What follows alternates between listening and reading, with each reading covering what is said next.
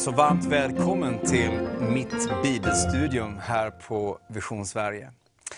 Idag ska jag undervisa om att det naturliga är att en kyrka, en församling, ser människor komma till tro på Jesus. Det är det mest naturliga. Det som eh, händer runt Jesus, det ska hända runt hans församling. Eh, de människor som hängde runt Jesus, det är de människor som ska vara och hänga runt en, en kristen församling. Eh, jag har i ett tidigare bibelstudium talat om vad en kyrka ska vara känd för. Och när en kyrka är känd för en radikal kärlek, en radikal barmhärtighet, då händer det som jag ska undervisa om i mitt bibelstudium idag. Eh, en kyrka som är ledd av Anden.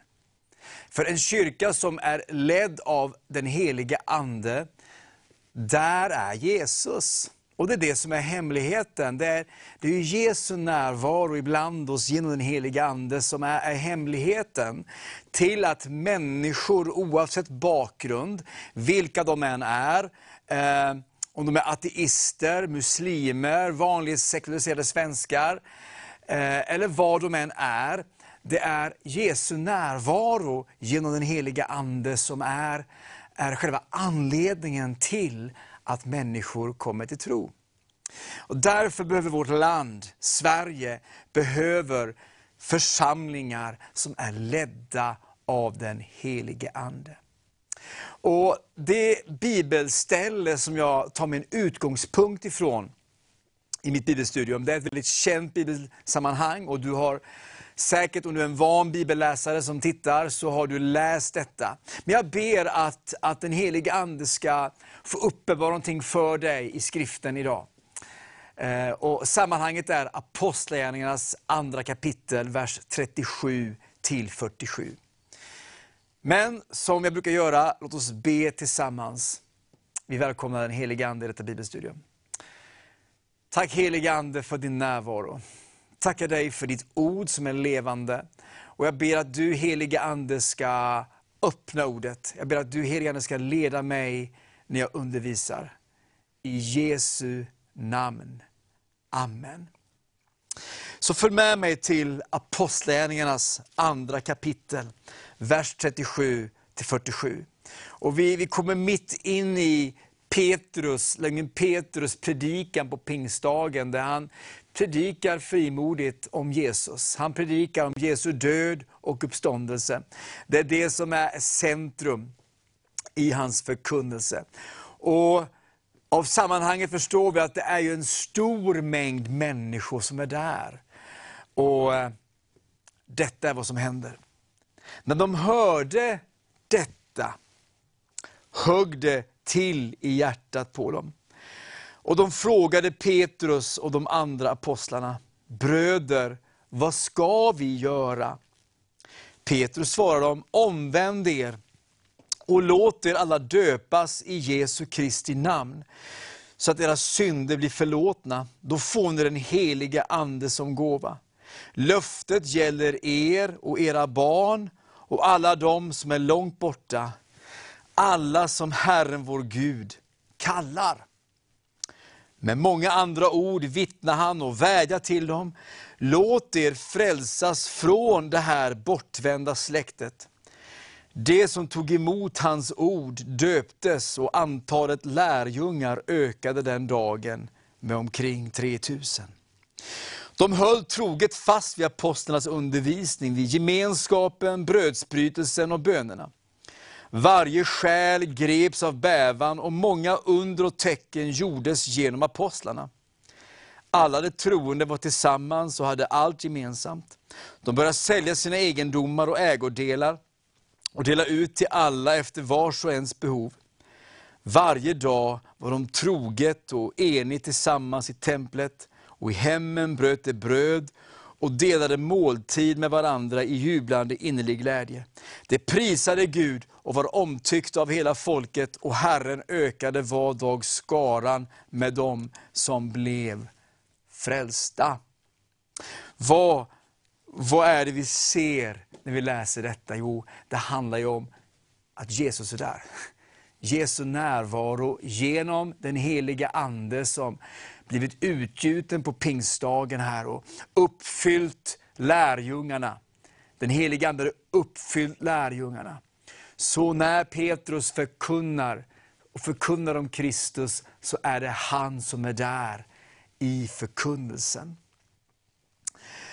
Skulle du kunna be för mig?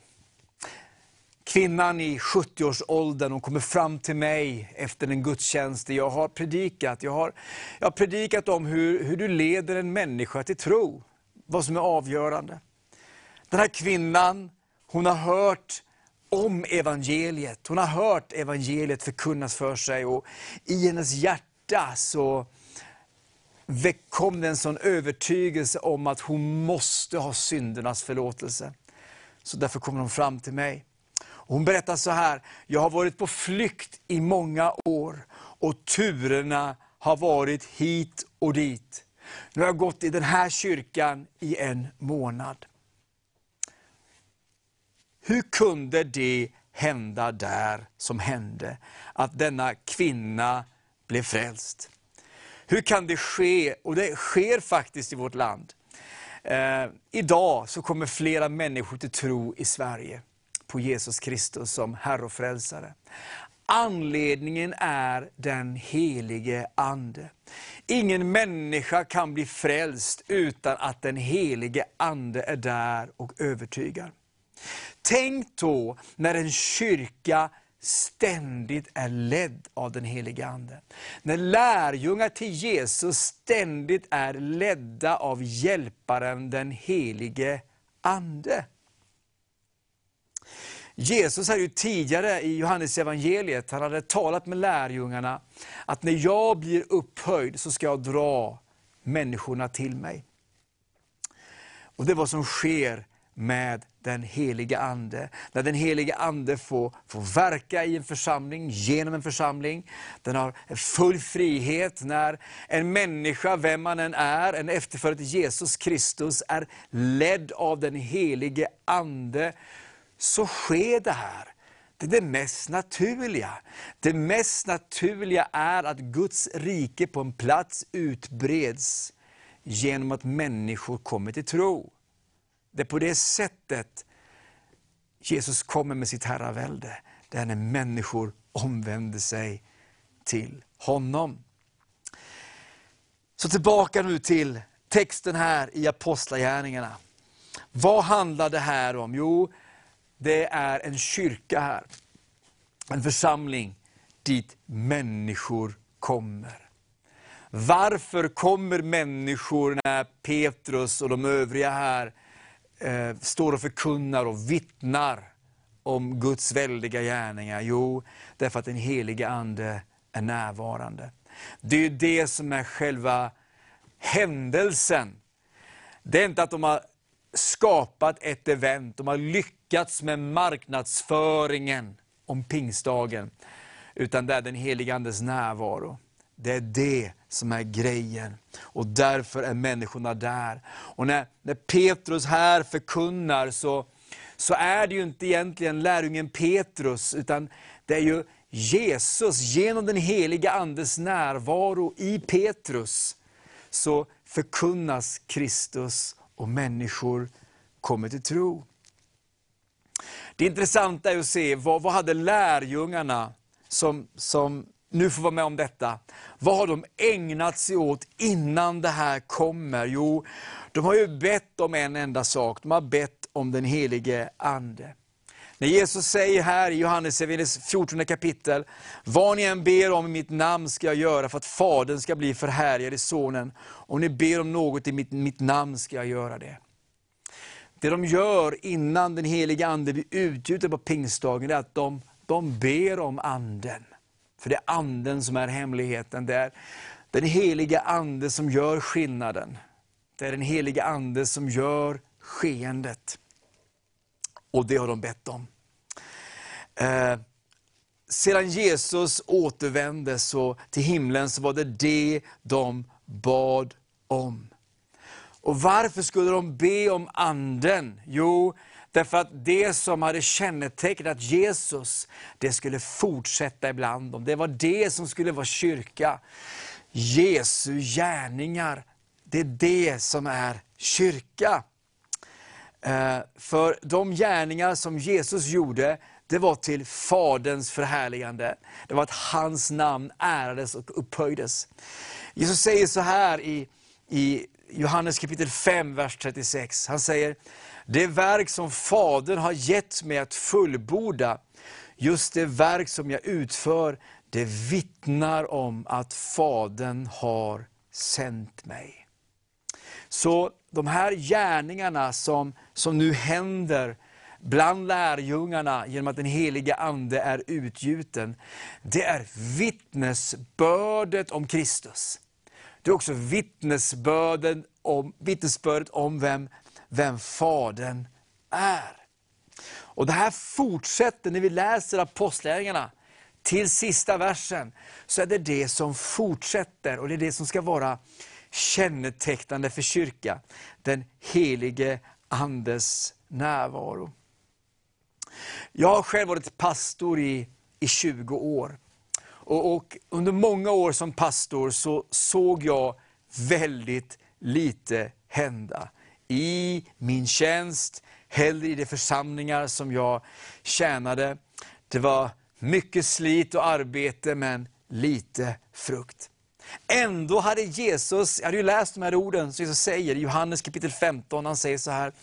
Jag är vinstocken, ni är grenarna. Om någon förblir i mig och jag i honom, så bär han rik frukt. Utan mig kan ni ingenting göra. Det var ju det sistnämnda som jag inte hade greppat och som jag inte tog till mig. Det som säger, utan mig kan ni ingenting göra. Utan den helige Ande så kan vi inte göra någonting. Vi kan inte vara kyrka.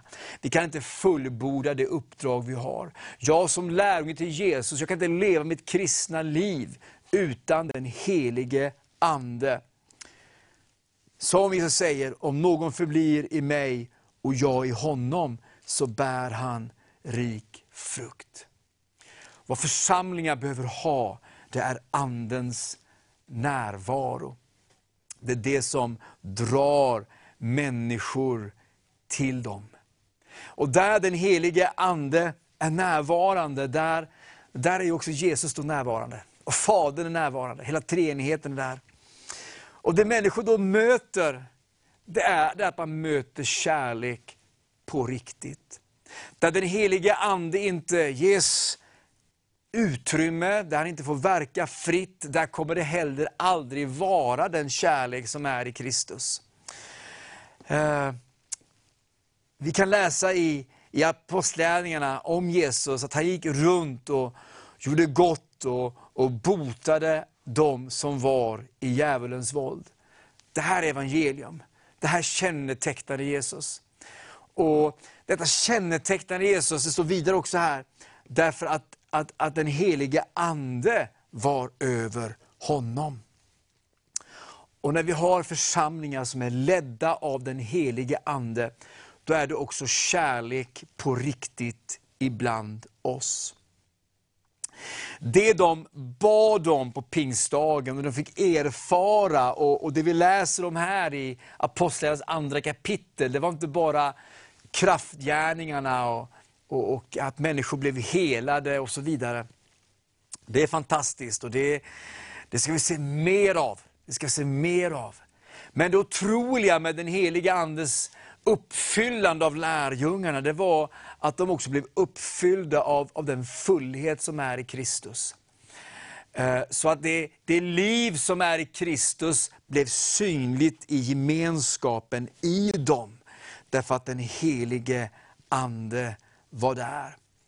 Och det är det som ska känneteckna också kyrka 2020.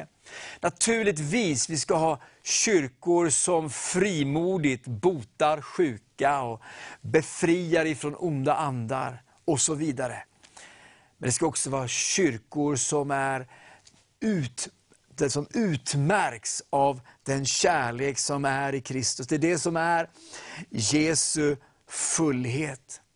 Och det här med den heliga Ande, eh, den heliga Ande blev given för att vara kvar, inte för att komma och gå. Utan den fullhet som är i Kristus, den ska vara i församlingen. Den ska förbli i församlingen.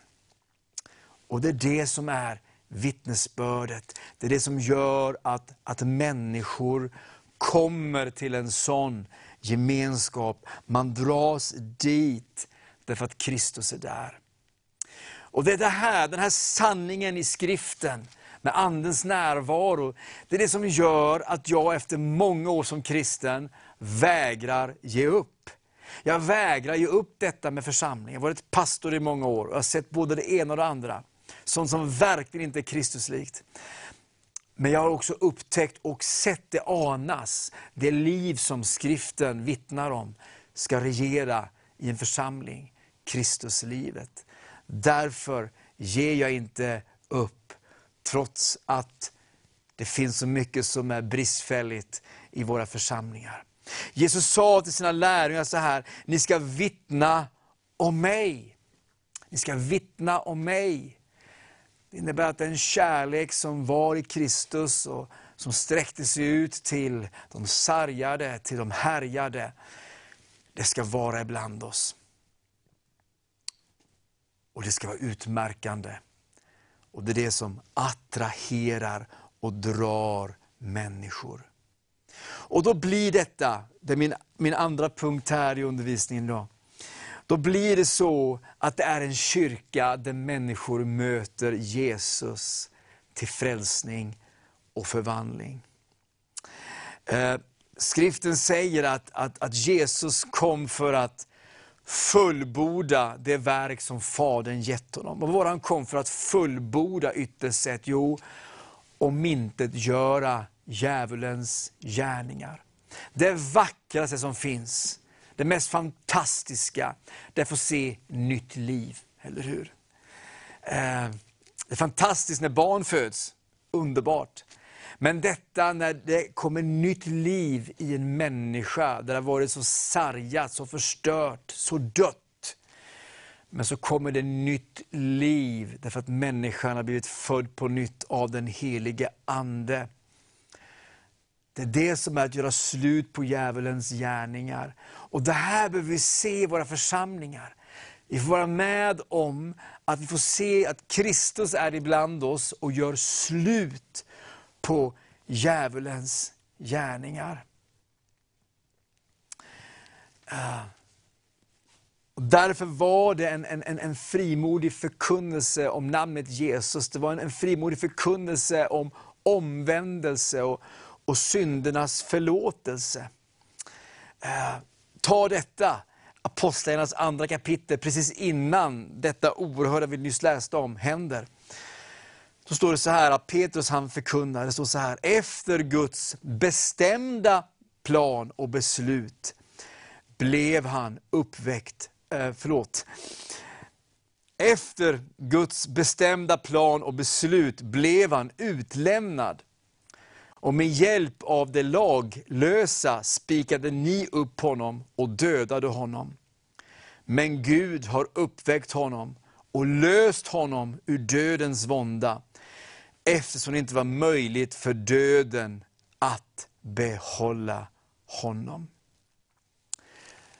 Här förkunnas evangeliet, här förkunnas behovet av omvändelse och, och syndernas förlåtelse.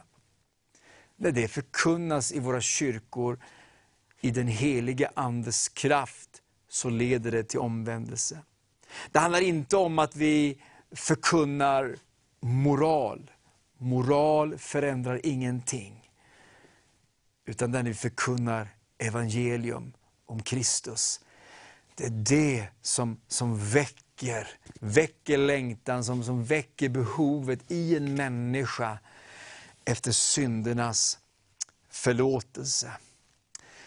Så frågan är, vad ska predikas i våra kyrkor? Jo, vi ska predika Jesus Kristus. Och Det här med att predika omvändelse, det är inte att komma med skuld till människor, utan det är att komma med frihet till människor. Evangelium är frihet. Jesus kom för att omintetgöra djävulens gärningar. Och Det innebär att när vi förkunnar evangeliet om Jesus, så leder det till omvändelse. Därför att det är en sån attraktion i Jesus, det är en sån attraktion i den nåd som sträcks ut till var och en som tar emot. I Johannes kapitel 1, vers 12 står det så här. Och de som tog emot honom gav han rätten att bli Guds barn. När Petrus predikar här på pingstdagen så är det ju inte att han lyckas med övertalning.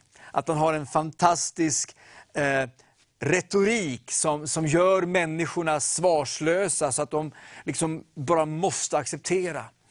Nej, det är den helige Andes närvaro i Petrus när han förkunnar. Det är därför frågan ställs, bröder, vad ska vi göra? För en del år sedan så stod jag och predikade och jag predikar omvändelse.